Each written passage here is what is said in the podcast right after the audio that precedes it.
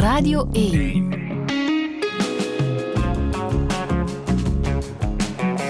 Douche. Met Friede Lesage.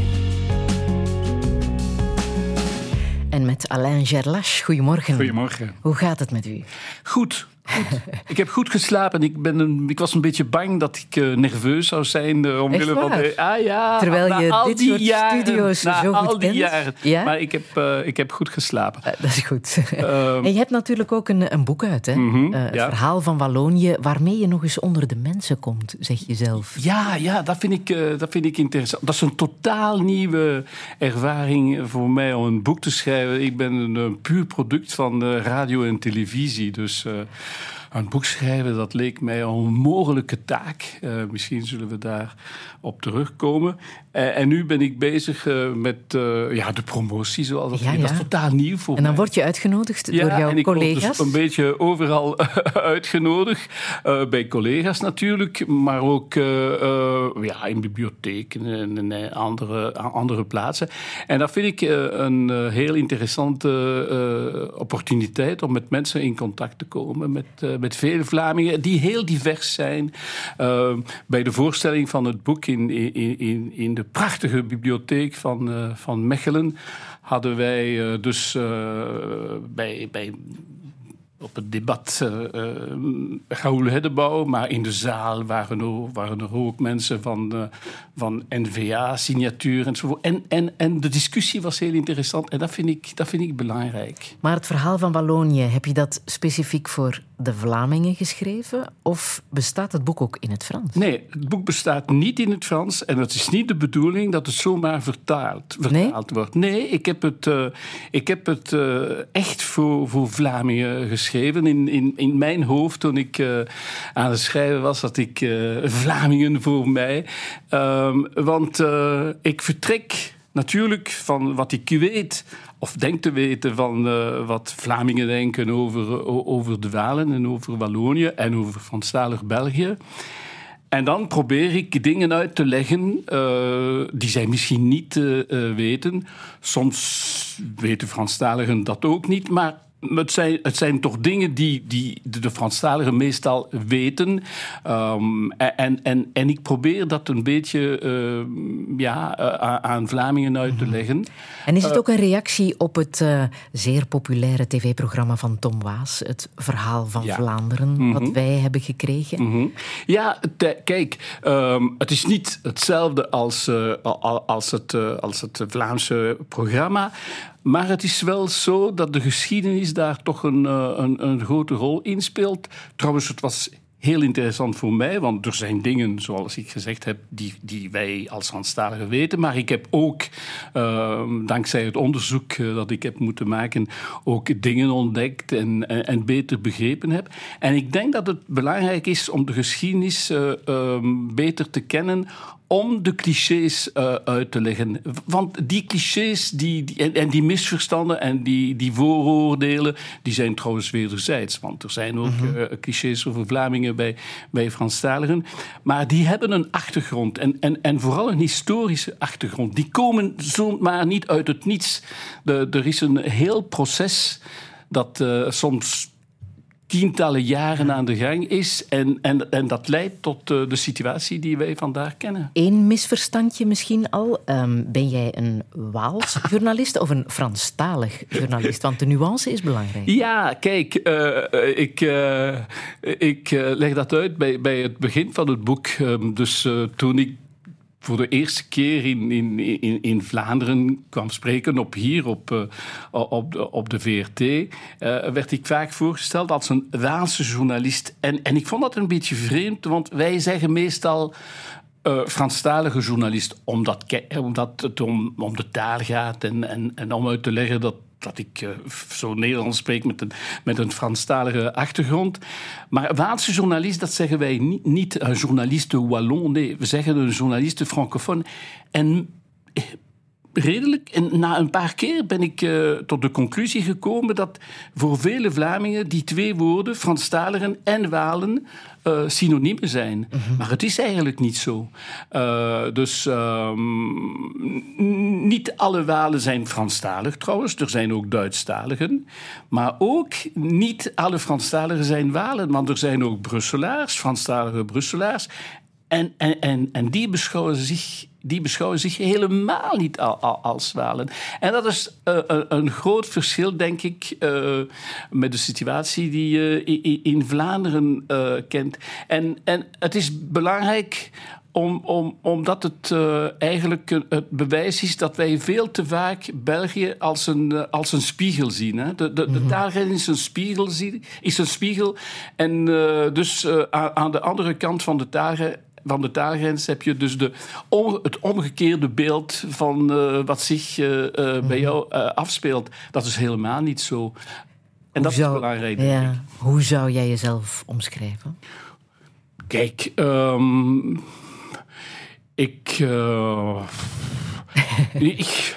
Ja, ik, ik, wil de clichés proberen te vermijden. Ik beschouw me eerst als mens. Ik bedoel, uh, ik heb altijd uh, van jongs af belangstelling gehad voor mensen met andere culturen, met andere achtergrond.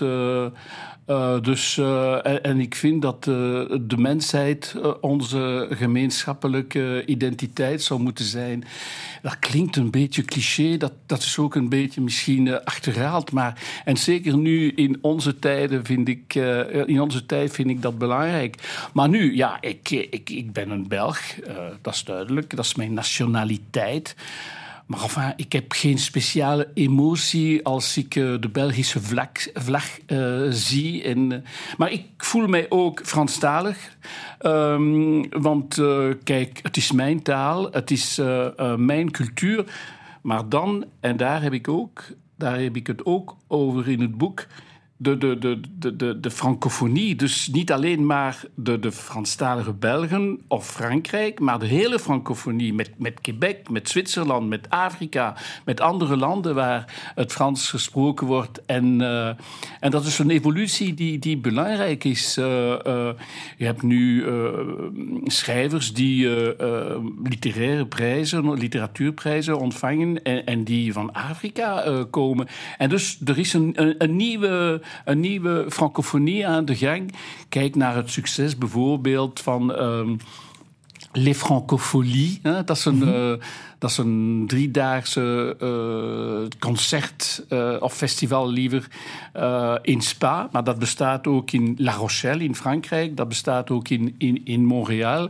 Met allerlei artiesten uit die, die, die, die landen. En dat is iets dat voor mij belangrijk is. Dat francofonie niet alleen maar beperkt wordt door de klassieke visie van de Franstaligen, de francofonen, de Franskilions. Want daar is een, waarschijnlijk een speciale um, ja, gevoel voor in, in, in, Vlaanderen. Het is veel breder en, veel, uh, uh, en nu veel uh, open, denk ik. Zeer open. En ik beschouw mij ook als Waal, want daar zijn mijn roots. daar heb ik bijna altijd gewoond. En ja, en, en, en, en ik heb een Waalse achtergrond. Maar verder het is over geen praten. identiteit ja. als... ik, ik draag mijn identiteit niet als een vaandel. Zeker niet. Zeker niet. Alain Gerlache, welkom in Touché.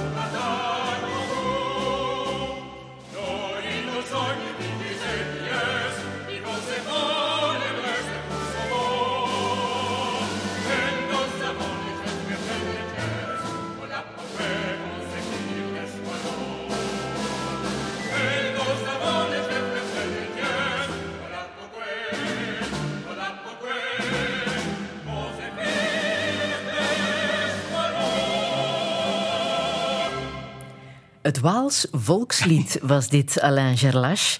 Kan jij dit meezingen? Ja, ja, ja, ja, een paar woorden toch. Uh, dat is Lied Chant des Wallons. Hè, dus, uh, in het Waals dialect. In het Waals. Dat is de Waalse versie, want er bestaat ook een Franse versie. Omdat niet iedereen het Waals begrijpt in, uh, in, in, Wallonië. Nu amper 10% van de, van de bevolking. Een eeuw geleden was dat nog ja, 80, 90 procent.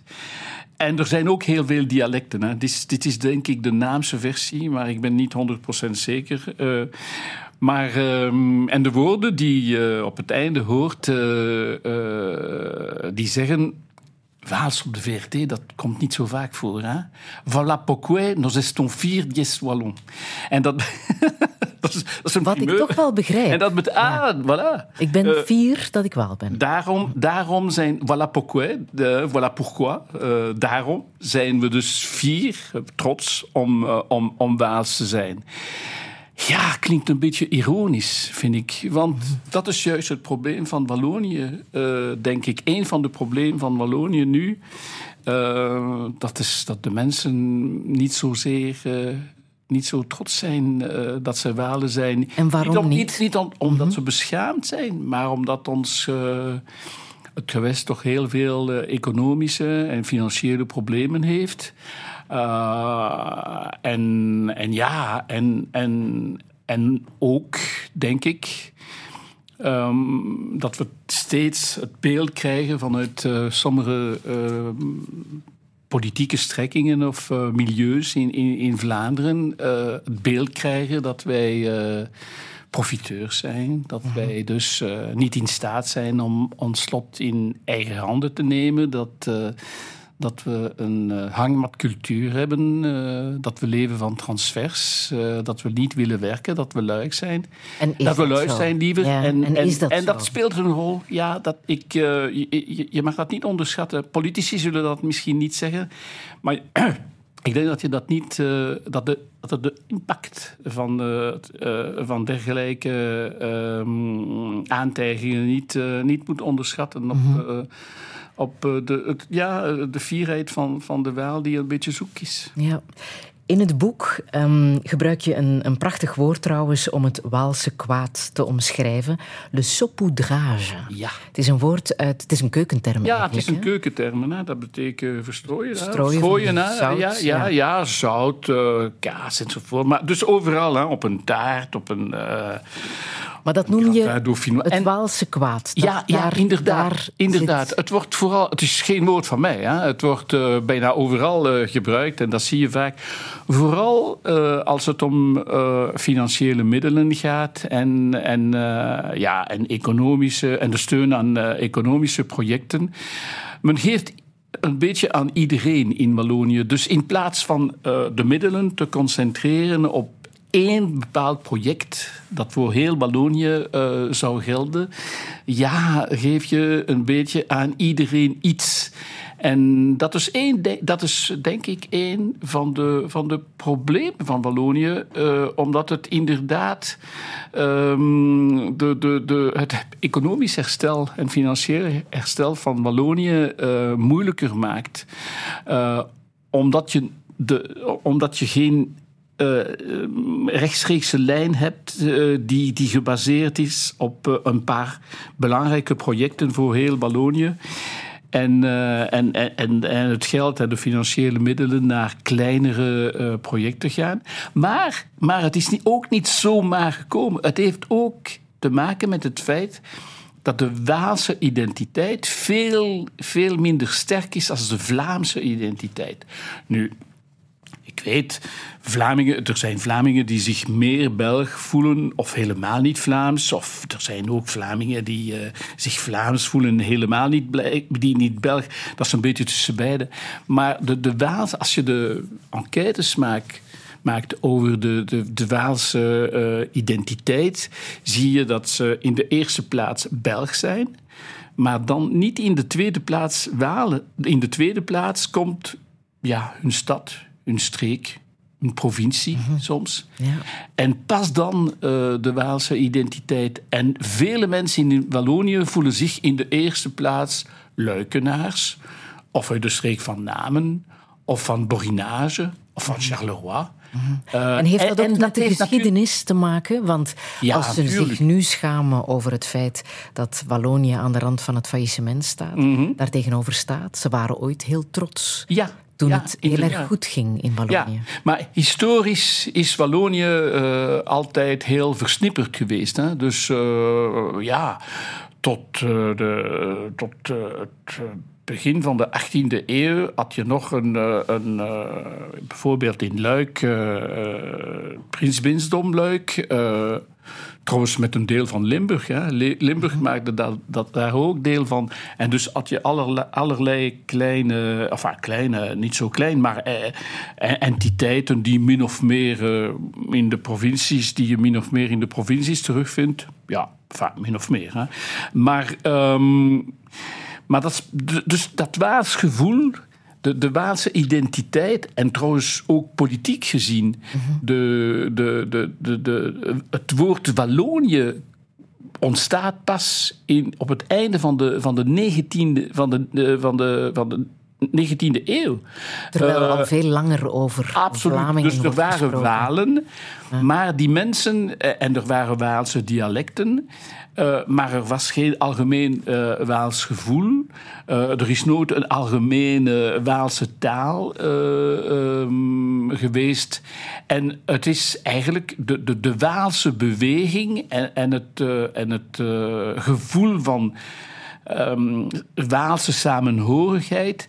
Die is eigenlijk een, een reactie op de Vlaamse beweging. Mhm. En, eh, en diezelfde reactie is op uh, de wil om van België een, een, een Franstalig uh, land te maken in 1830. Dus er zijn heel veel elementen, maar de, de, de Waalse beweging en de Waalse identiteit vergelijken met, met de Vlaamse identiteit, dat, dat, dat klopt, dat klopt niet. En als we Wallonië uit het dal willen halen, dan moet er terug een wederzijds vertrouwen zijn hè, tussen Vlamingen en Walen. En dat is oh, ook de reden waarom je dit boek hebt geschreven, om dat vertrouwen te proberen te herstellen? Kijk, uh, ik heb zeker geen uh, politieke agenda. Dus uh, uh, ik wil zeker niet dat België opnieuw een, een unitair land wordt.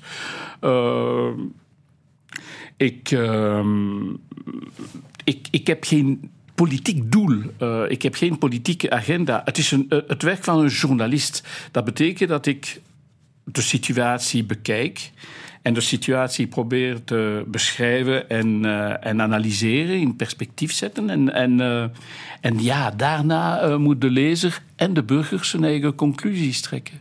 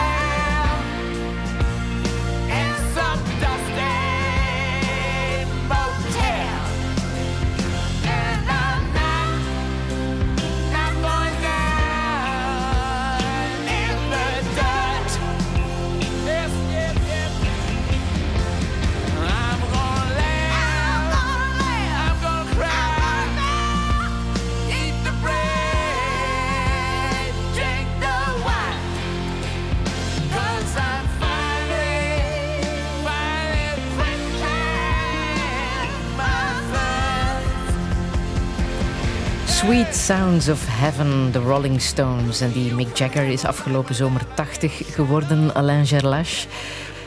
Ja, eh, eh, ja, hun nieuwe plaat komt uh, eind uh, volgende week. Ja, vrijdag, uh, hè? en dit is Hackney al, Diamonds. Dit, is- dit is al een, een, een singeltje. maar je hebt plaat. iets met eh. Mick Jagger. Ja, kijk. Ten eerste vind ik fantastisch dat ik, eh, ehm, dat ik eh, toen ik 12 jaar was eh, al naar de Stones luisterde. En, ze zijn er nog zijn nog steeds altijd bezig. 60 jaar later. En, en als je inderdaad ziet dat Mick Jagger eh, nu 80 is en als je 10 jaar jonger bent eh, dan eh, Mick Jagger ben je eigenlijk niet bang om ouder te worden. Hè? Ja, maar dat speelt, dat speelt een rol. Dat speelt een belangrijke rol. Ik wil, ik wil even met u terug naar de tijd toen de Rolling Stones nog niet bestonden, jaren Ja. 50. Ja. Die heb jij doorgebracht in Afrika. Ja, ja, inderdaad. Ik maak deel uit. Mijn, mijn ouders maken deel uit van die, van die generatie mensen die Belgen eh, die na de oorlog eh, in de jaren 50 eh, naar Afrika gingen. Nu, mijn vader was geen.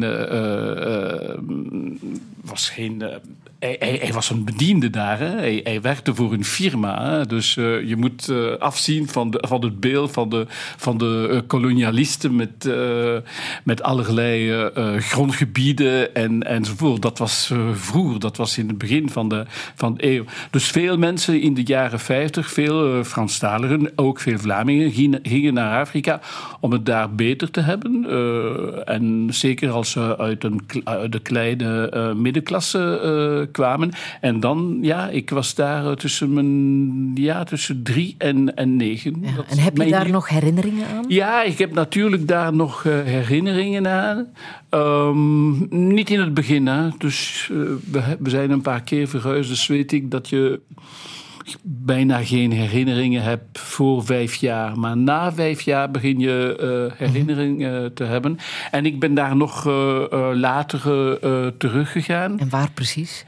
Uh, in Rwanda en ook in Congo. Um, de eerste keer uh, naar Rwanda dat was uh, toen ik voor de radio werkte als journalist. En dat was zeer emotioneel, want dat was. Um, in, in Rwanda, in de aanloop naar, naar de genocide daar. Um, en, en, en de situatie was natuurlijk heel, heel heel erg. En je voelde het, je voelde het aankomen. En dat was, uh, dat was een, uh, een verschrikkelijke situatie. Daarna ben ik uh, nog teruggegaan toen ik de woordvoerder was van premier Verhofstadt. Toen hij zijn excuses bood. En dus excuses, de, de verontschuldigingen van België voor de houding van het land tijdens de, de genocide. En dat was ook heel, heel emotioneel. -hmm. Ik heb alle ministers en journalisten zien huilen. En ik word nu nog. Mm. Het emotioneert u nu nog altijd.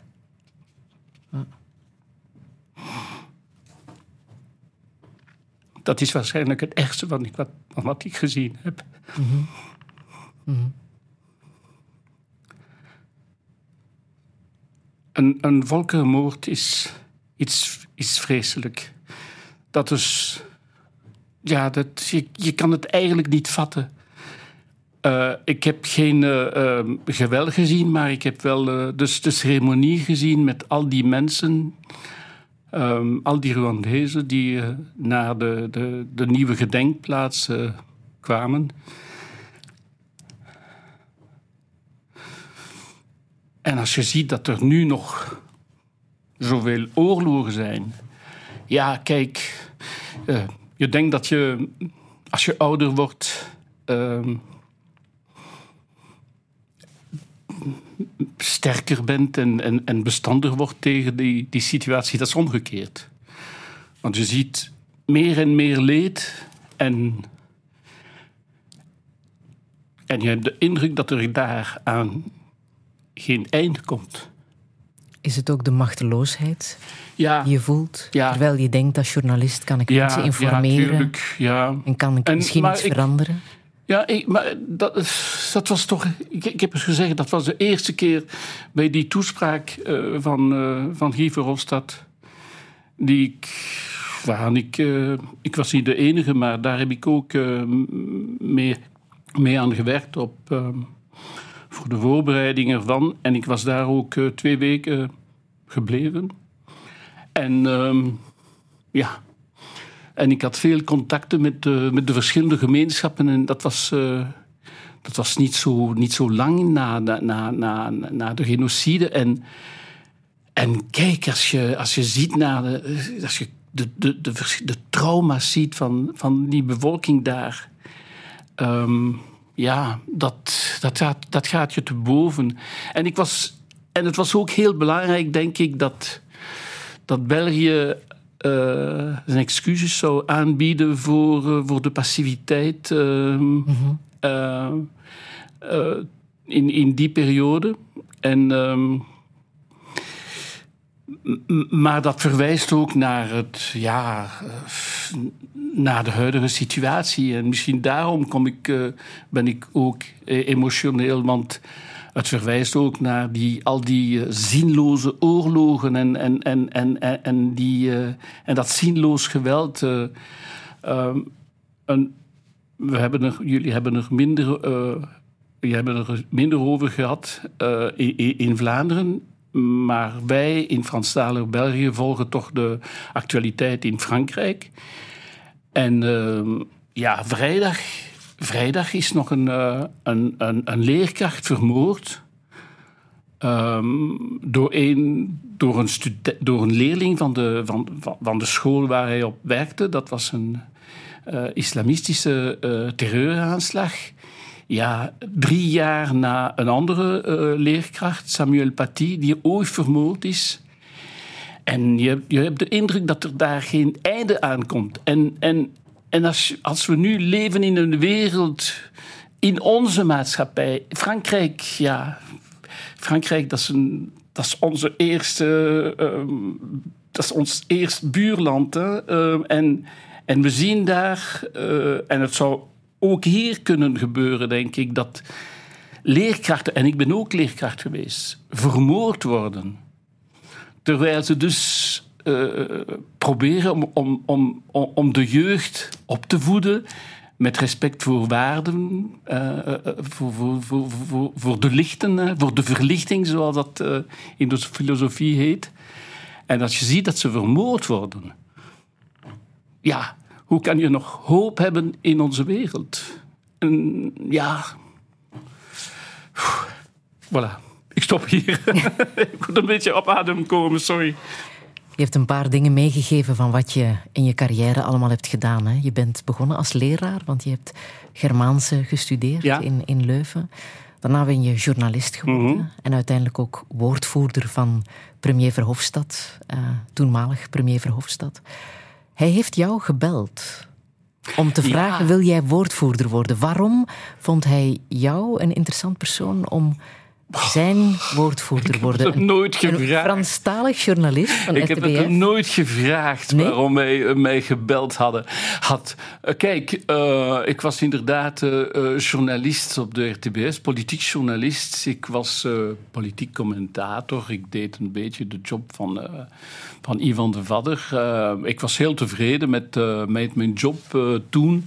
En ehm, ja... Um, ik, uh, ik veronderstel dat het feit dat ik uh, aan Franstalige kant bekend was uh, en, en ook tweetalig was en, en politiek journalist, dat dat een, een, een rol gespeeld uh, heeft.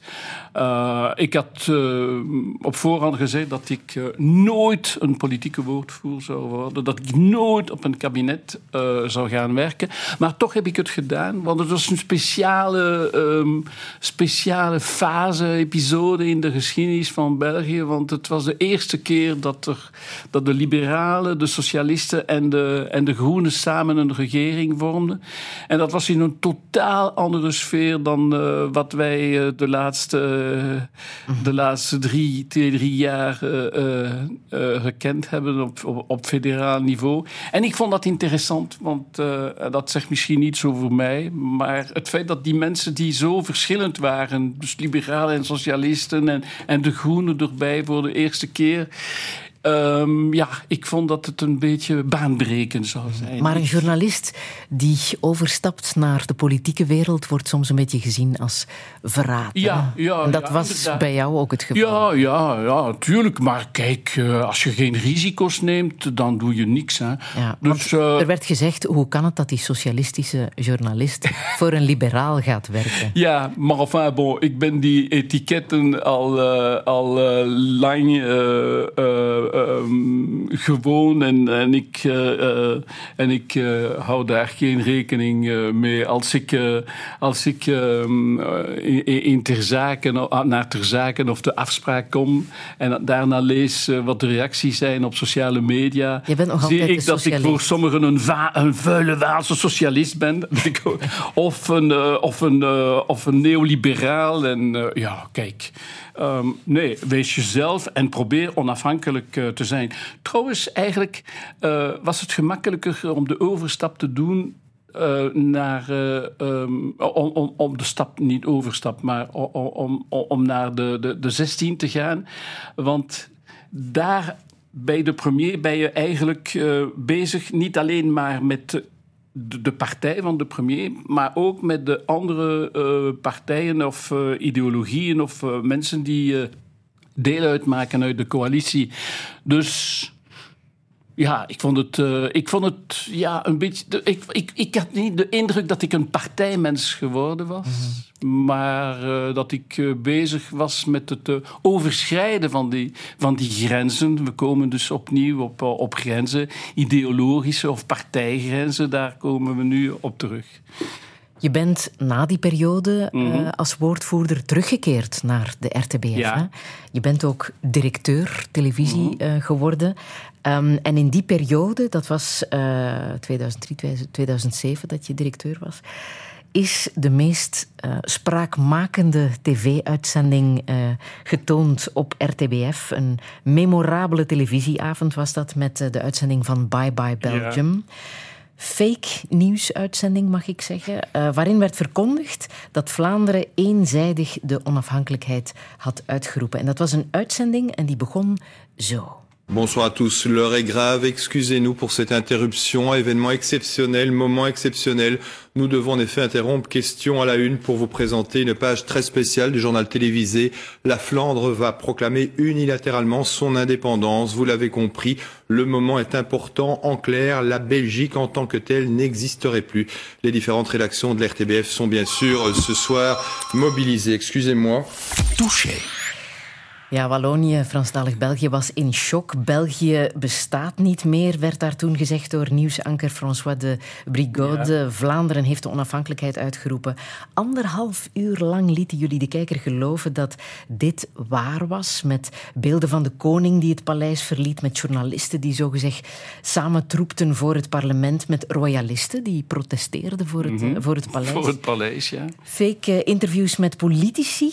Uh, hoe hebben jullie uh, al die mensen zo ver gekregen om dat te doen? Het was een heel ander tijdperk. Hè? Dus, uh, 2006, uh, december ja. 2006. Ja, 13 december 2006. Voor de sociale media. Voor de sociale media. Hè. Dus uh, YouTube, dat is 2005, maar in Amerika.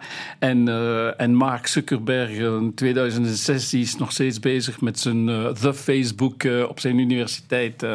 dus dat was voor de sociale media. Dus was het ook gemakkelijk. Ik denk dat het, dat was nog de tijd, tijdperk van, van televisie televisie. televisie de macht van televisie. en de macht van televisie die iets kon uh, aankondigen zonder dat, de mensen eigenlijk uh, de mogelijkheid hadden om, om, om het te checken in, in real time, zoals wij, wij dat, nu, dat, dat nu kennen. En um, ja, dat was dus, um, dat was dus een, ook een periode waar je, uh, waar je niks afwist van fake news zoals we ze nu kennen.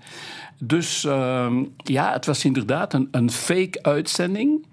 Um, en, en, je zou dat nu uh, zeker niet meer, uh, niet meer doen, natuurlijk. Hè? Maar het doel was om Absoluut. mensen duidelijk te maken wat ja. er zou kunnen gebeuren. Eigenlijk als het was land... het fake news met een, met een, met een doel. Nu, ja.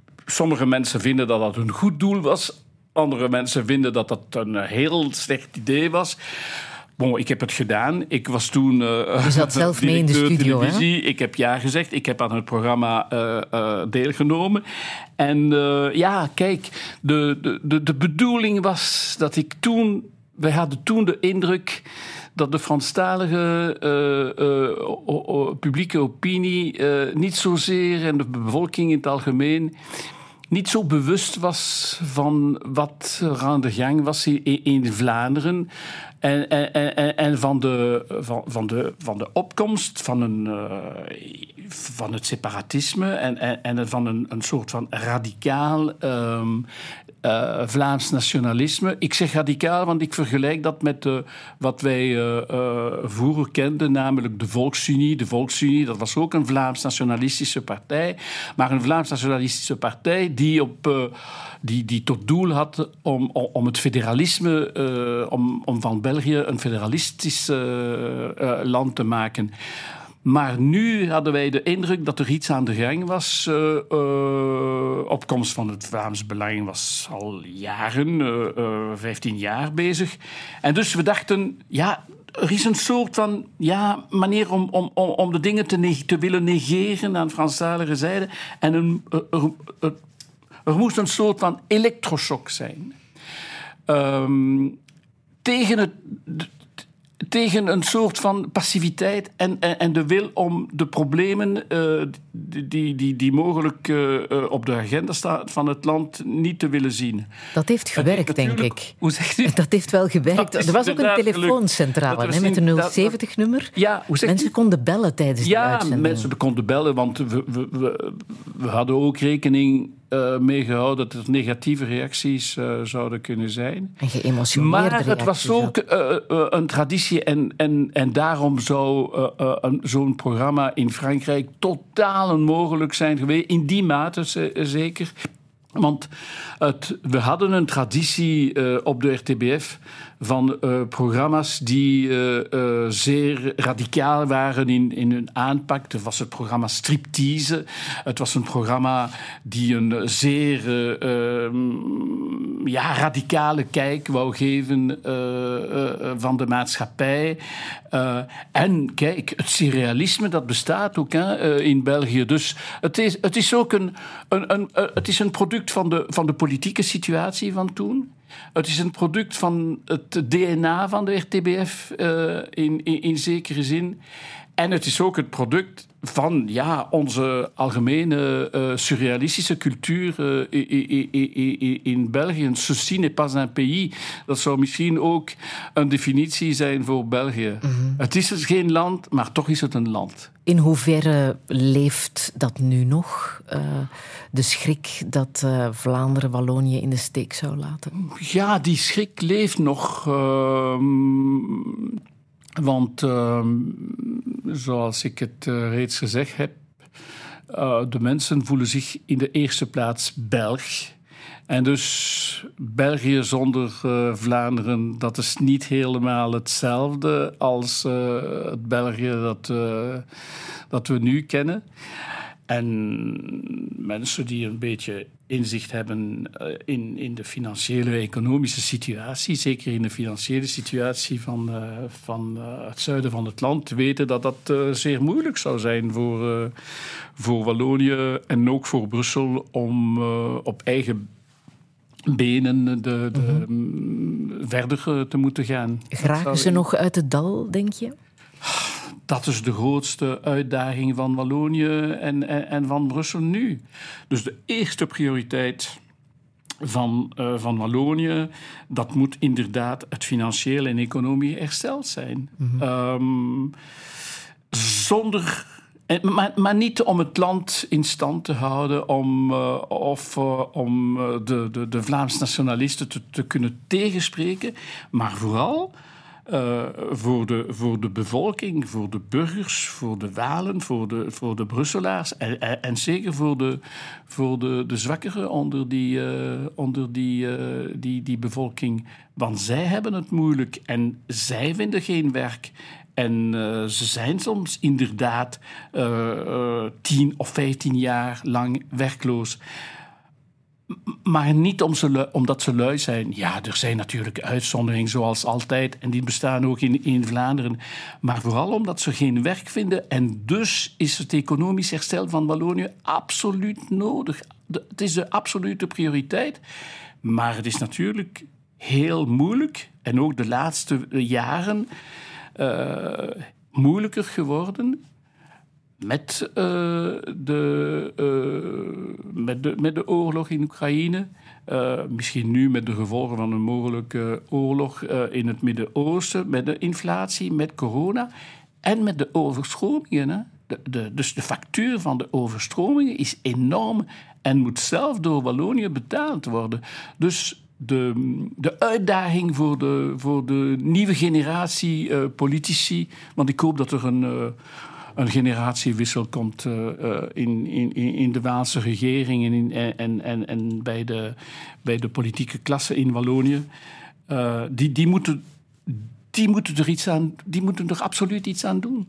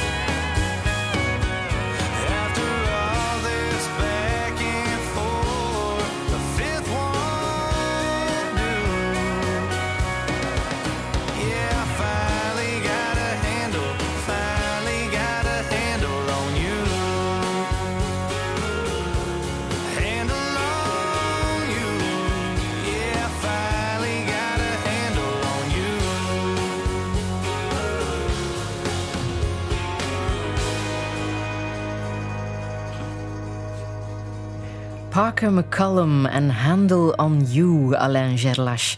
Hier zit een man met een grote liefde voor muziek, hè? Ja, absoluut. Ja, absoluut. En dit is countrymuziek? Dit is countrymuziek. Jouw grote liefde? Ja, nou, een van. Ik ben ook van de... heel. Uh, uh, ik heb verschillende uh, um, genres waarvan ik hou. en, en countrymuziek is één ervan. Allo, ik, met, in verband met countrymuziek moet, moet ik altijd uh, iets uh, vertellen als ik uh, tegen vrienden zeg dat ik een fan ben van, van country music. Want country music heeft zeker in Europa het, het, het beeld van een, van een muziek voor conservatieve Amerikanen die, die op Trump stemmen ja. met hun cowboyhoeden enzovoort. Um, ja, dat klopt. Dat klopt gedeeltelijk. Maar, uh, en het is een, een, muziek met een hele uh, Amerikaanse identiteit. Maar eigenlijk komt dat, is die muziek al bijna 100 jaar oud. En er is, uh, op Arte op, een, een zesledige documentaire te zien over de, de geschiedenis van country music. En daar zie je dat country music oorspronkelijk de, de, de, de, de, de, muziek was van, van het volk. Uh, ook van Afro-Amerikanen, maar ook met allerlei invloeden uit Europa, uh, met Tsjechische muzikanten, Ierse, Schotse. En dus het is een, een, een, mengeling van allerlei muziek. En dat vind ik interessant. Dus het is een muziek die oorspronkelijk heel veel invloeden had en die nu uh, geïdentificeerd wordt als de muziek voor alle Amerikanen. En dat is interessant. En ik vind dat een, uh, een, een prachtige uh, soort muziek, inderdaad. Ja. Jouw liefde gaat ook veel breder. Je zou denken van, dit is een man die houdt van België, dus die blijft binnen de grenzen. Maar ook dat is niet zo. Hè? Je hebt ook een heel grote liefde voor, voor Engeland. Ja, ondanks tuurlijk, Brexit tuurlijk, ga je tuurlijk. graag naar Engeland. Ja, ja, ondanks de Brexit, ja, dat is een historische, uh, dat is een historische uh, flater uh, voor, voor, voor dit land. Maar bon, kijk, liefde is af en toe blind. En ik heb inderdaad een heel grote liefde voor voor Engeland, voor Wales, voor Schotland. Omwille van de natuur? Ja, voor de natuur, voor, uh, uh, voor al die kleine steden, voor, uh, voor, voor, voor die kerken, voor, voor de landschappen. Schotland is een, is een zeer, uitstekend, is een, is een zeer mooi land. Ik herinner me nog toen ik voor de eerste keer naar, naar Schotland met vakantie ging. en toen ik zei tegen vrienden dat ik naar Schotland zou gaan, zeiden me: Ah ja, ah ja, alsof. Wat een vreemd idee. Nee, het is een prachtig land. En kijk, ik ben ook een grote fan van ehm, ik ben geen gelovige, maar als ik uh, uh, naar Engeland ga, uh, ga ik regelmatig naar, naar, naar de mis. En ja, voor, voor de sfeer ook. Het is een, manier om een beetje over jezelf te, te denken. En het is ook een heel andere, heel andere kerk als dan, dan, dan, dan, de kerk die wij hier, hier kennen. Dus ik ga daar met mijn man. Uh, en ik word uh, uh, vaak verwelkomd daar aan de ingang van, van de kerk door een vrouwelijke priester. Aha. Die daarna um, ja, predikt en, en, en, en zich bezighoudt met, met, de, met de christelijke gemeenschap. En, en het is daar de normaalste ding ter wereld. En op de eerste rij heb je haar man en haar kinderen. En, en waarom zou dat die voor waarom zou dat hier niet kunnen als het daar uh, uh, zomaar gewoon is? Mm -hmm. Ik wil nog um, Antwerpse polyfonie laten horen. Ja. Het ensemble Utopia. Mm -hmm. Want cultuur kent geen taalgrens. Absoluut. Natuurlijk. Hè? Ja. Prachtige muziek is dit.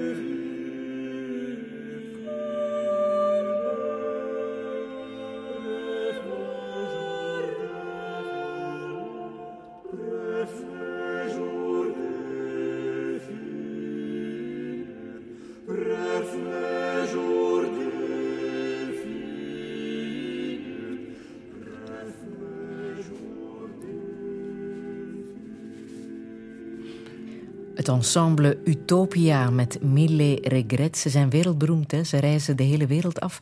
Maar in Wallonië waren ze nog niet geweest tot in september. Toen waren ze te horen in Luik. Radio 1.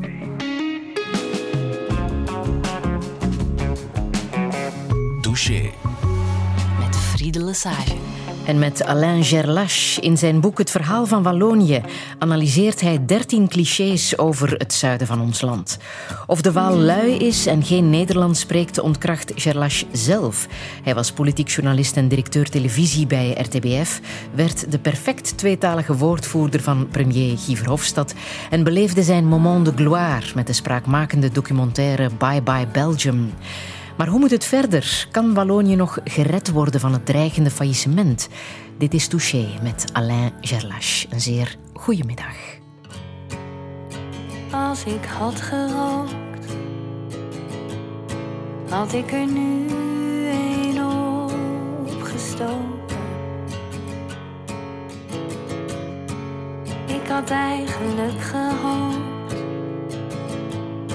dat ik mezelf hier kon ontlopen. Als ik te lang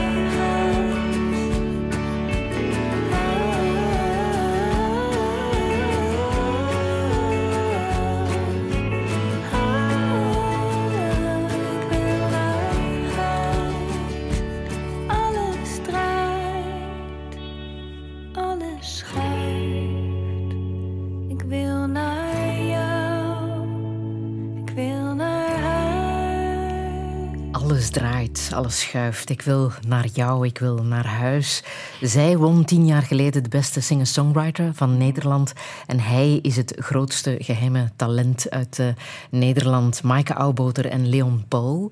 Alain Gerlache, hoe heb jij dit nummer leren Ja, kennen? omdat ik eh, regelmatig, eh, heel vaak zelfs naar Radio 1 eh luister. Ah, voilà. En, eh, en dat heb ik, eh, hoe zeggen jullie dat? Uh, geshazamd, jullie dat ook? Ja, ja, ja. Shazamé zeggen wij in het Frans. Ja, en ik vind dat prachtig. Eh, ehm, Maaike Auwboter kende ik al een beetje, Leon Paul helemaal niet. En ik vind de combinatie van, de, de, van hun stemmen eh, heel, mooi, hè? heel, heel mooi. En het is eh, heel nostalgisch. Het is ook folkmuziek eigenlijk. En daar ben ik ook een grote fan van. Maar niet te En horen op, muziek uit ehm, Nederland. Want, Ja. eh, en er zijn waarschijnlijk niet zoveel van zalen, denk ik, die ook... eh, maar ik heb altijd belangstelling gehad voor, eh, voor, eh, de, de, de, voor de cultuur, voor, voor de literatuur voor, voor de muziek. en hoe komt dat? Van waar komt Toen dat? ik een student in Leuven was, luisterde ik, luisterde ik naar Boudewijn de Groot, Jimmy, hoe sterk is een eenzame fietser. ja, dat is niet voor de jongere generatie. Ja, en mijn eerste vriend die was uh, een Nederlander uit, uit Groningen. En uh, toen had ik een, een Noord-Nederlands accent dat mij haast onbegrijpelijk of onverstandbaar, ja? onverstandbaar maken, verstaanbaar maken in, in, in België. Dat, ja. Maar ik, ik, vind dat een heel interessant. Eigenlijk ben ik een beetje een ben ik een beetje nostalgisch van de, van de, van de lage landen. Ik ben waarschijnlijk, misschien wordt ben de ik lage, ik weet het niet. de lage landenmuziek gedraaid op Franstalige ja, zenders? Ja, ja, kijk, dat is het groot probleem. En dat zeg ik altijd tegen mijn, uh, tegen mijn uh, collega's. Uh, ja, jullie zeggen dat jullie absoluut België willen behouden. Dat... dat dat er niet be genoeg belangstelling is van, vanuit uh, Voor, voor Wallonië, voor Franstalig België, dat het alleen maar om clichés gaat. gaat. Maar hoe vaak wordt een Nederlandstalig nummertje of een Vlaams uh, nummertje gedraaid op, op de Franstalige radio? Dat kan nog beter. Nooit, haast Mm. nooit. films worden misschien nooit gezien in, in, in, in Franstalig België. Ik zie wel een evolutie op het gebied van de uh, tv-reeksen, series, series enzovoort. Uh, bijvoorbeeld uh, dankzij, maar, maar ook niet alleen maar dankzij de RTBF of RTL, maar ook dankzij Netflix bijvoorbeeld.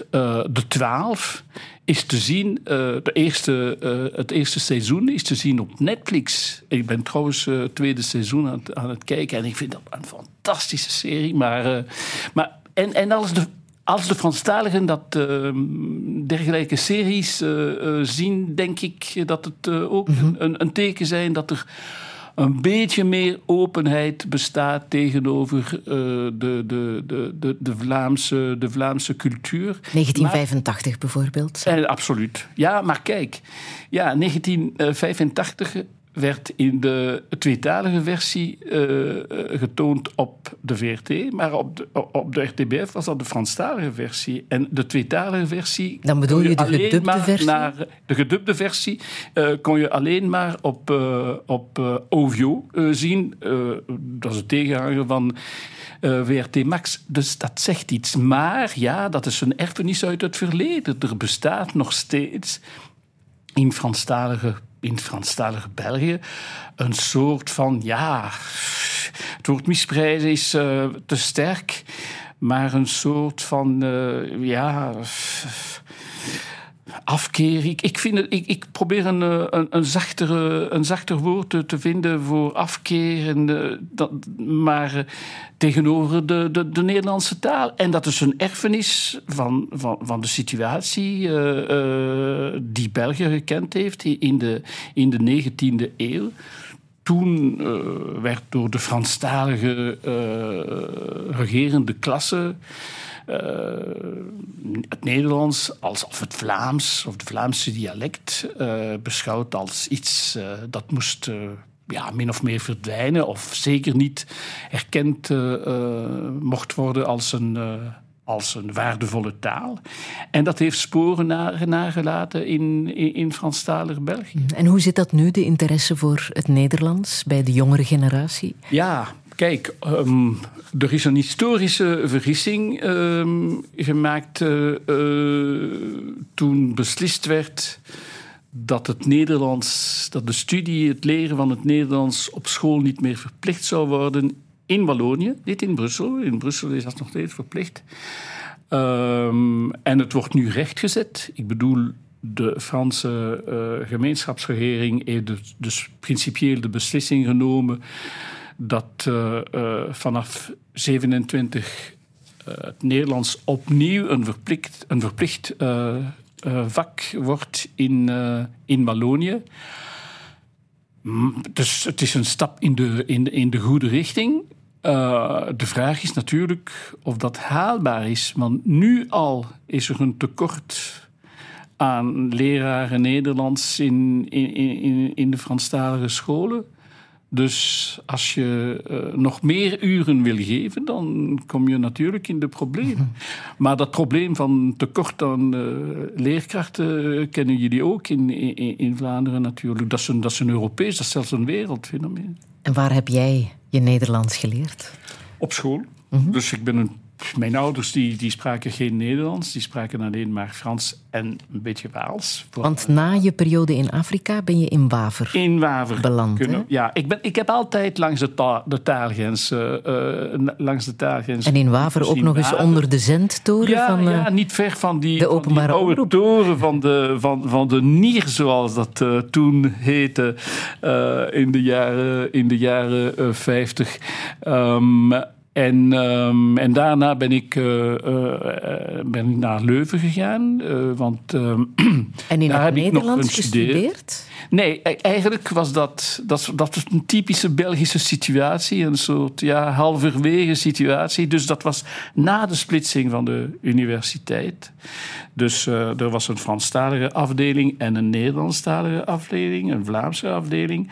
En de beslissing was genomen en, en, en de werken uh, hadden al begonnen. Dus waren begonnen om, om, om een nieuw, splinternieuwe universiteit te, bouwen in, in uh, Waals-Brabant.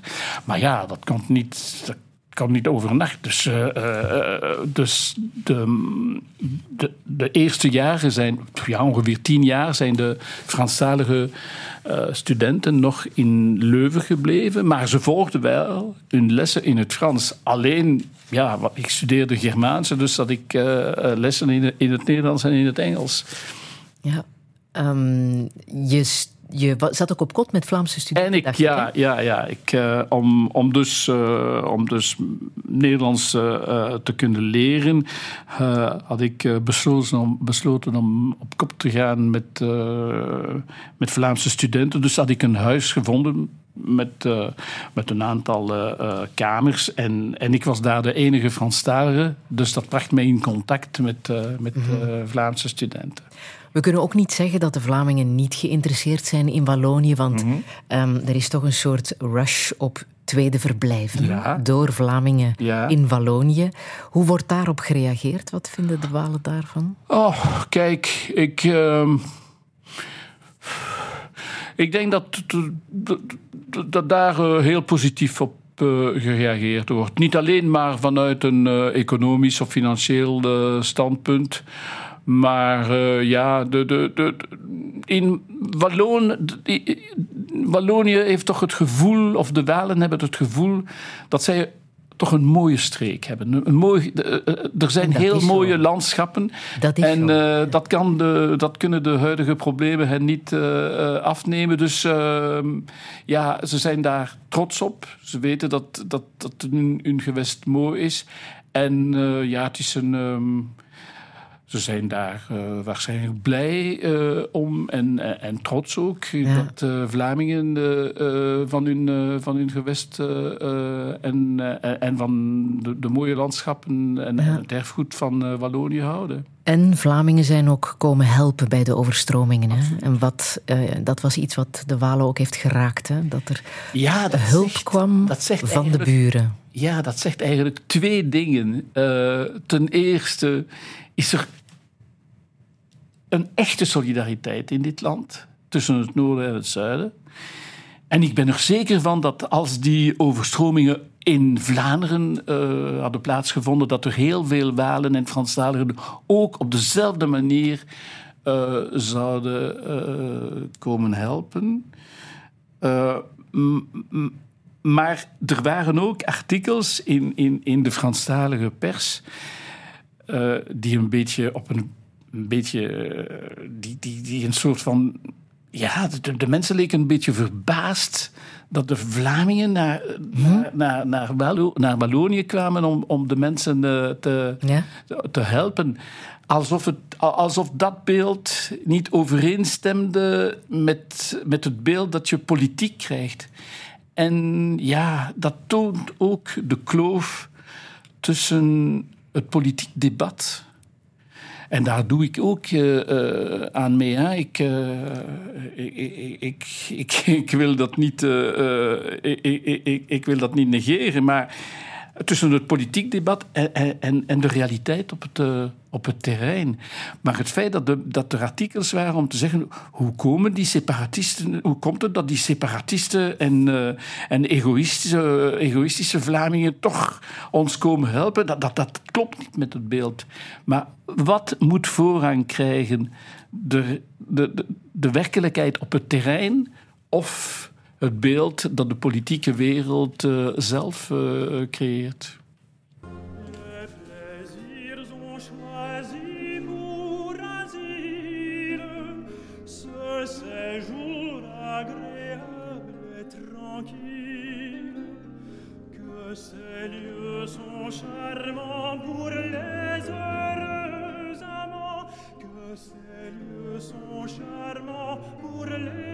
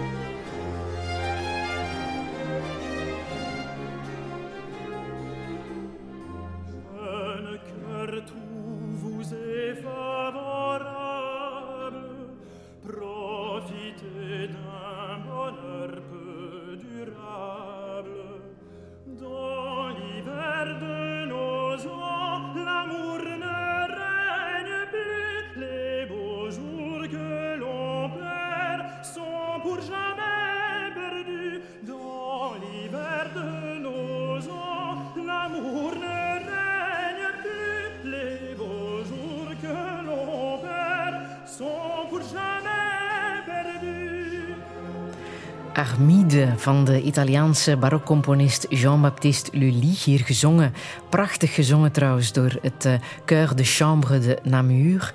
Alain Gerlache, uh, je zit zelfs met het vingertje mee op het ritme naar de tekst te luisteren. Want wat een tekst. Ja, wat een tekst. Dat is, uh, dat ik ben een grote fan van barokmuziek. Um, en en, en Jean-Baptiste Lully op kop. Italiaan, maar eigenlijk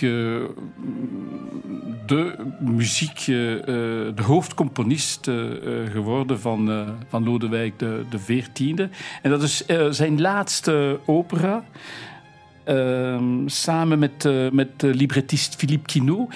En ja, als je de naar de woorden luistert, die zijn zo mooi. Het is een ode uh, aan de liefde en ook uh, aan de tijd die, die voorbij gaat. Hè. Dus, uh, jeune cœur, tout vous êtes favorable, profitez d'un bonheur peu durable. Dans l'hiver de nos ans, l'amour ne règne plus. En dan, les beaux jours que l'on perd sont pour jamais perdus. Dus ja. Jonge harten, profiteer van het geluk dat niet lang duurt. In de winter van onze jaren heerst de liefde niet meer. De mooie dagen die we, verlies, die we verliezen zijn voor altijd verloren. Ja, profiteer van het leven, profiteer van, van de liefde. Dat doe jij, denk ik. Ga, kijk, ja, ik vind nog uh, het, le ja, het leven is mooi, ja, zoals dat ja. gezegd wordt, misschien met een minder verfijnde tekst. Maar zolang er uh, nog naar muziek geluisterd kan worden, ja, dan, uh, dan is er hoop. Nu, ik woon ook, ik leef ook in een, um, in een, een, een, bepaalde sfeer, omdat, ik, uh, omdat mijn man muzikoloog is. Dus waar ik woon is er altijd muziek, soms een beetje te veel zelfs. Maar, maar ja, maar ik heb toch mijn eigen keuzes. Maar hij houdt ook van de barokmuziek, gelukkig maar. Is het altijd duidelijk voor jou geweest dat je het leven met een man zou delen? Um, ja, min of meer. Ja, ja dat was uh, altijd duidelijk. Maar natuurlijk uh, was dat in een, andere, in een ander tijdperk. Hè? In, de jaren, in de jaren 60, uh, 70. Maar bon. Mijn coming out was veel gemakkelijker dan die van uh, Conor Rousseau. Ik heb dat, uh, en dat was toch uh, 50, meer dan 50 jaar ja. geleden. Dus, en hoe ging dat toen? Oh, ja. Eigenlijk was dat. Er was nog geen sprake van coming out. Maar ja, dat was na uh, mei uh, 68. Uh, ja, het lijkt nu de prehistorie. Hè? Maar, maar heeft dat geholpen? Maar ja, tuurlijk heeft dat geholpen. Want er was toen een sfeer van. ja, er is een nieuwe wereld op komst. De flower power in, in Amerika. de, de, de, de muziek. mei 68. Dus de oude tradities die moesten overboord, uh, overboord gegooid worden. En uh, ja, dat, was, dat maakte deel uit van een soort van, um, van revolutie. Niet alleen maar seksuele revolutie, maar ook uh, maatschappelijke en, en, filosofische revolutie. Met heel veel optimisme. Ondanks de oorlogen die toen nog uh, ja, gebeurden. maar bijvoorbeeld, er was helemaal geen geen bewustzijn, bewustzijn van de. of het begon in de jaren zeventig, maar bij het brede publiek en zelfs bij de jeugd was er helemaal geen bewustzijn van de van de, de bedreiging voor, voor de natuur bijvoorbeeld. De, de, de, de bekommernis om het milieu, uh, uh, dat kwam veel, veel later. Dus er was inderdaad veel optimisme. En juist daarom waren, waren de evoluties, ja, dat was normaal. En, en, en, en ik heb zelfs geen coming-out moeten doen. Dat, dat gebeurde zomaar normaal. En, uh, en uh, op een dag uh, ben ik thuis met, met de Nederlander waar ik het daar straks Zo is het begonnen. Het is met de Nederlander en, en, begonnen. En zomaar. En, we en, en, en, en mijn ouders moesten begrijpen dat wij inderdaad mm -hmm. een koppel waren. En, -hmm. maar ik heb dat niet moeten en zelfs ook niet willen uitleggen. En, maar ik heb dat, dat niet op tv gedaan, nee. De jaren ik heb 80, er ook niet mee geworsteld. De jaren tachtig was denk ik voor het homomilieu mm. de lastigste periode toen aids ja. zich aandiende. Ja. Het HIV-virus ja. begon zich te verspreiden en er was een grote angst hè, binnen het uh, homomilieu. Er is trouwens ook een prachtige serie over gemaakt, It's a Sin, wat nu op VRT Max te zien is en wat, uh, wat jij ook hebt gezien, hè? een Britse dramaserie. Ja, over tuurlijk. Dat hoe dat zich toen... Dat is een fantastische um, serie, maar dat uh, ook gemaakt met, uh, met een team die andere uitstekende series gemaakt heeft, zoals Years and Years bijvoorbeeld. Maar It's a Sin, dat is een, dat is een, serie, dat is een serie, dat is een reeks over die, het begin van AIDS in de jaren tachtig in Engeland. En ehm, het gaat om een groep jonge homo's die naar Londen komen vanuit de verschillende plaatsen waar zij woonden.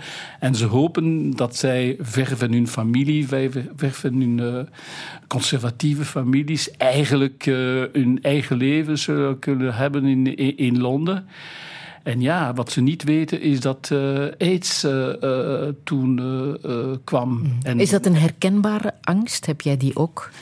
Ja, maar in het begin waren wij net als ik, ik, ben van de eigenlijk ben ik van dezelfde generatie als mhm. die jonge gasten in, in, in de serie eh, en uh, en ja, uh, toen ik dat zag, enfin, ik wist het al, maar toen ik dat zag, dacht ik, ik heb toch heel veel geluk gehad. Want uh, ja, zo leefden wij ook toen. En uh, er zijn zoveel mensen die, uh, die wij kenden die, die gesneuveld zijn. En, uh, gesneuveld? En, en, ja, gesneuveld. Want het is een, een, een epidemie. Dat, dat, in, het begin, in het begin was het inderdaad gericht vooral tegen, tegen homo's. Niet alleen maar tegen homo's, maar het waren vooral in het begin, uh, toen het woord AIDS, of of het acroniem AIDS nog niet bestond, was er sprake in Amerika van de gay cancer. Want het was een vorm van cancer, van kanker, uh, die alleen maar uh, homo's uh, scheen te, te, treffen. Dus was er sprake van, van homokanker. En er zijn inderdaad, er is een, inderdaad een hele groep mensen uh, gestorven. En, en, en die serie toont dat uh, op een zeer accurate manier.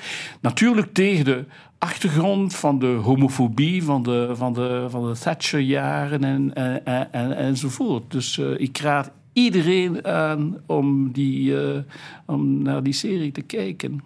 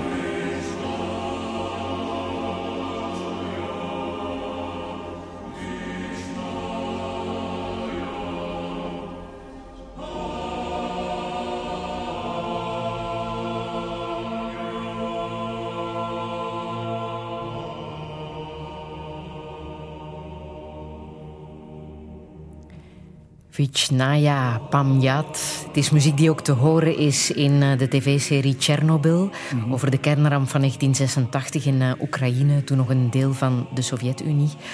Alain Gerlache, je hebt die serie ook gezien. Hè? En eh, ja, deze muziek is bij jou blijven haken. Tuurlijk, bij iedereen denk ik. Hè. Eh, het is eh, een orthodoxe liturgisch gezang. Eigenlijk betekent uh, uh, Vishnaya Pamyat, dat betekent eeuwige herinnering, hè? eeuwige rust. En uh, ik had eraan gedacht, uh, het, is, het wordt geïnterpreteerd door, uh, door een, een, een, een koor in, van, van Lviv in, mm -hmm. in Oekraïne. Dat is, een, dat is een stad daar. En ik dacht aan de oorlog in Oekraïne.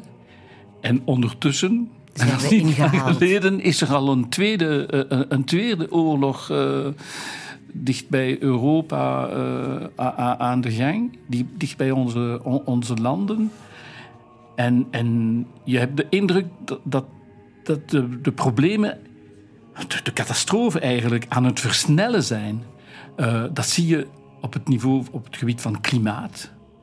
Dus we weten wel dat er een verwarming aan de gang is. Maar ik denk dat de laatste jaren en maanden en, en nog met deze zomer en deze herfst de mensen uh, zich bewust worden dat het vlugger gaat, dat ze misschien oorspronkelijk dachten, hè, want we hadden het over 2050, uh, uh, twee, 2100. En nu zie je inderdaad dat er, dat er ongehoorde temperaturen zijn in de herfst. Um, en dus ja, er is een versnelling. Maar ook op het gebied van, van, van de wereldorde, van de, van de wereldvrede, is er ook een, uh, een versnelling. Uh, en dat is inderdaad bijzonder uh, verontrustend. En dat maakt heel veel slachtoffers. En ik zal niet terugkomen op, op de genocides in de wereld. Dus ja, het is een eerbetoon voor alle onschuldig, onschuldige slachtoffers van, uh, van de oorlogen overal ter wereld. Want er zijn zoveel onschuldige mensen die, uh, die vermoord zijn, die, die, die, die, die, die gestorven zijn, die uh, gemutileerd, die, die, die, die gewond zijn geraakt. En er zijn zoveel afschuwelijke dingen die, die, die we horen. En, en we, we moeten niet onverschillig worden. Uh, we moeten ons een beetje beschermen, inderdaad. We kunnen niet altijd uh, emotioneel worden. En, en, we moeten ook, en zeker als je, als je bepaalde beroep hebt, zoals politici, militairen, journalisten, moet je alles dus op een nuchtere manier uh, proberen te, te, te analyseren en, en, en, en te doen wat noodzakelijk is. Dus je moet je een beetje beschermen, ook als mens, want we hebben ook ons leven en, en daar, daar, daarmee moeten wij, moeten wij ook verder gaan. Maar onverschillig worden en, uh, en, en, de dingen proberen opzij te leggen, nee, dat niet. Dus dat is een, dat is een heel moeilijk evenwicht. Maar het is absoluut noodzakelijk, denk ik, om te overleven. En we hebben het ergste al meegemaakt, zou je kunnen zeggen. De Tweede Wereldoorlog, de uitroeiing van de Joden. Ja. Iets waar jouw partner trouwens ook op zijn manier mee bezig is. Hè? Hij bestudeert ja, hij is muziek. Een boek, hij is dus muzikoloog en hij is een muzikoloog en hij is een boek aan het schrijven. Uh, ik weet niet wanneer dat gaat verschijnen. Um, want het is nog iets anders dan de kleine problemen tussen Walen en, en Vlamingen. Dus ik wil ook niet, uh, uh, ik wil ook geen cliché gebruiken. Maar als je de, onze problemen een beetje in perspectief zet, dan zie je toch dat er nog ergere dingen zijn. Maar hij schrijft een boek over de muziek in de concentratiekampen. En de manier waarop de nazi's de muzikanten, van de muzikanten gebruik maken om toch een sfeer te creëren die voor de mensen daar meer te verdragen was. Dat is een heel tegenstrijdige en, uh, en bizarre en dubbelzinnige situaties. Maar er waren inderdaad in veel concentratiekampen waren er inderdaad uh, kleine orkesten met, met muzikanten, met Joodse muzikanten die, die muziek speelden. Ook soms, toch, ook soms voor de voor, voor de militairen, in de, mm voor de, de, de, de, de, de, Duitse militairen in de kamp en ook onderling. Mm En daarover gaat hij ook praten in scholen? Ja, ja. Om dat verhaal te ja, vertellen? Ja, ja, hij geeft uh, ook les voor de voor, voor de, de, de, de, studenten van derde leeftijd aan, aan de universiteit in Luik over uh, die problematiek. Mm -hmm. Waar praten jullie het liefste over thuis? Wat zijn jullie onderwerpen? Want de onderwerpen die lijken oneindig, denk ik, aan jullie keukentafel. Ja, als er niet meer gepraat wordt, dan is het einde van de koppel, denk ik. We hebben heel uiteenlopende uh, interesse. Dus... Uh, uh, ik begrijp uh, muzikologie niet zo goed, alhoewel ik uh, van muziek houd.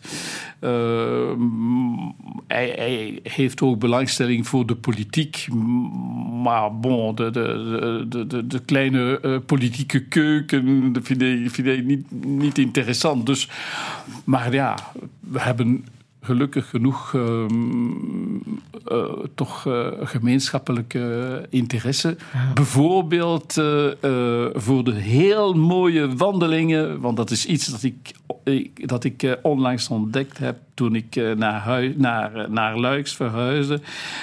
voor de heel mooie wandelingen die je kan maken in Limburg. En de ontdekking van, van de provincie Limburg is, uh, is een van de, van, de grote, van de grote ontdekkingen die ik uh, de laatste jaren -hmm. uh, gemaakt heb. Zeker tijdens COVID. Eigenlijk zijn we al een kwart eeuw samen, maar we hebben pas een paar jaar geleden beslist om, om, om, samen, te, om samen te wonen. We waren getrouwd voor wij samen woonden. Dat is bijzonder. Ja, wat is een model? modellen bestaan niet. Modellen bestaan niet. Uh, die wandelingen. Je moet je eigen model maken. Doe je dat met podcasts? Want je hebt er mij eentje gesuggereerd, een van Radio France, ja. over Leon Bloem. Ja. Uh, die heb je beter leren kennen. Een Frans politicus uit een Joodse familie, ook heel even premier van Frankrijk ja. geweest voor de Tweede Wereldoorlog. De Front Populaire. Hè? Ja. Wat heb je uit die podcast geleerd? Wat ja, het is een, een beetje een vergeten figuur. Het is uh, iemand die eigenlijk een, uh, een burger was, een rijke burger, en die het opgekomen heeft voor de arbeidersklasse. Maar uh, die, die, geen communist geworden is, eerder een, een, een, socialist. Hij was dus de leider van, de, van het Front Populaire, die, die, die Franse meerderheid in die, die Franse regering in 1936 uh, uh, met les congés payés, hè, de eerste, uh, hoe zeg je dat nog? De, de, de eerste Betaald vakantie daar, ja, hè, vakantieverlof. En, en, um, en ook met de, de acht uren week, acht, acht uren dag en, en, en dus allerlei um, sociale hervormingen heeft hij naar voren gebracht. Maar het, hij was van Joodse origine. En hij heeft ook uh, heel veel. Uh, hij is bij, soms op een bepaald moment bijna vermoord door, door, door, door, in een betoging van extreem rechts waar hij toevallig uh, aanwezig was. Hij kwam daar langs en uh, hij, werd herkend. Is daarna naar uh, een concentratiekamp opgesloten in de, in de Tweede Wereldoorlog. Maar dat was ook iemand die inhoudelijk zeer baanbrekend was. Hij heeft bijvoorbeeld een boek geschreven voor hij premier was. Dat Du Mariage heet. Hè? En daarin pleitte hij, maar al in de jaren twintig, voor het feit dat de vrouwen net zoals de mannen, ook uh, seks zouden moeten hebben voor het huwelijk, zodat ze uh, hun, uh, hun man correct zouden kunnen kiezen. eh, met, met kennis van zaken, als ik het zo mag zeggen. Of toch met een brede kijk over het, eh, wat het huwelijk eh, inhaalt. En ja, podcast, ja, podcast is fantastisch. Podcast is de toekomst van de radio. De radio eh, is een, een media waar ik heel aan gehecht ben. Maar podcast, ja, dat, is- dat geeft je zo'n vrijheid. En ook voor de makers, want het is een podcast. Die eigenlijk niet op antenne is gekomen. Dus het is een, een native podcast, zoals dat heet. Dus een podcast gemaakt eh, als, al- als podcast. En dat geeft ook voor de, voor de mensen die eh, van klank houden eh, een, een, een heel grote vrijheid. Een heel grote vrijheid. En dat vind ik ook heel, heel interessant.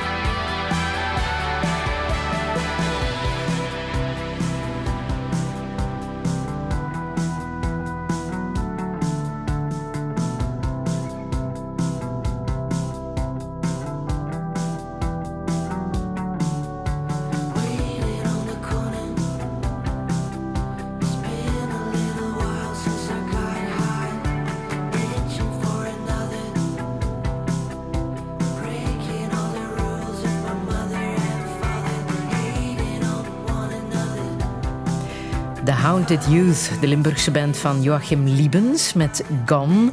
Hier moest nog een beetje meer reclame gemaakt worden voor, voor Limburg, merk ik, Alain Gerlache. Ja, ja. Ondanks de vele wandelingen die je daar al hebt gemaakt. Ja, ze hebben, ook ook met deze muziek. uitstekende, ze hebben ook uitstekende eh, groepen. En, eh, Ja. en zoals bijvoorbeeld eh Haunted Youth. Ze komen trouwens naar, naar Luik. Op de- En jij gaat kijken? en ik ga kijken. Ik ben een beetje bang, want ik hoop dat ik niet de oudste eh, van het publiek word. Maar kijk, het is eh, hedendaagse muziek. Maar tegelijkertijd eh, hoor je nog hoor je ook de, een beetje de jaren, de jaren tachtig. Dus ja, ik heb lang geaarzeld, maar ik heb een ticket en ik ga. Ik mag jouw leeftijd verklappen, hè? 71. Over zeven jaar, als je 78 bent, bestaat België 200 jaar. Hebben wij iets te vieren? Er zijn heel veel problemen geweest. Maar kijk, en dat klinkt ook een beetje cliché, maar bon. Als je de, de, situatie van België vergelijkt met andere, met andere uh, landen of met andere uh, plaatsen op de wereld, denk je, ja, dit is toch uh, een beetje een stuk, een stuk paradijs. Nu, ik, ik, ontken niet dat er, dat er problemen zijn, dat mensen het moeilijk hebben. Maar enfin, ik leef en wij, ik denk dat de meeste Belgen uh, liever hier uh, wonen dan, dan ergens anders. Nu, ik hoop dat, dat het geen ehm, dat het geen verjaardag zal zijn waar alleen maar gekeken wordt naar, naar het verleden. En ja, misschien een, een, verleden dat een beetje verfraaid wordt om de mensen ervan te overtuigen dat België moet doorgaan. Nee, zo, zo werkt het niet. Um, wat belangrijk is, denk ik, is dat uh, de, de, mensen die hier wonen in dit land. Uh, nog een gezamenlijke toekomst uh, um, kunnen, kunnen schetsen en, en en, en, en, de middelen nemen om, uh, om dat te bereiken. Om, om, om, tot, een nieuwe, tot een nieuwe verstandhouding tussen de, de verschillende gewesten en, en, en, uh, en, gemeenschappen. Dat is denk ik de, de grootste uitdaging. Ik, ik hoop dat uh, dit. Ehm, dat de, de viering van het 200ste verjaar, verjaardag van België vooral gericht zal worden naar de toekomst toe en niet naar het verleden. Want uh, ja, het verleden is het verleden, maar heeft dit land nog een toekomst? Dat is, dat is de grote vraag, denk ik. maar het moet niet opgelegd worden. Het moet, het moet mhm. door, de, door, door de mensen zelf beslist worden. En jouw toekomst, wat zou jij nog willen in het leven? Nog meer mensen nog moeten, nog meer boeken lezen, nog meer uh, naar muziek luisteren, naar, nog meer reizen. Alhoewel ik, ik, ik, voel me een soort van schuldbesef als ik uh, vliegtuig neem nu. Dus uh, dat is een beetje een probleem, maar enfin. En ja, verder, verder doen wat ik altijd gedaan heb en wat mij in leven heb gehouden, heeft gehouden. Zullen we nog wat uh, klassieke muziek laten horen? De proloog Absoluut. uit L'Orfeo van uh, Claudio Prachtig. Monteverdi, gespeeld door Jordi Saval, omdat het ook wel iets te maken heeft met jouw boodschap, denk ik. Memento mori. Memento mori, ja. Daar wou je mee inderdaad. eindigen. Ja, want dat, dat, uh, dat is, je moet dat niet vergeten. Maar daarom moet je ook van de, van de zo fijne aspecten van het leven kunnen genieten. Gedenk, we zullen sterven. Ja.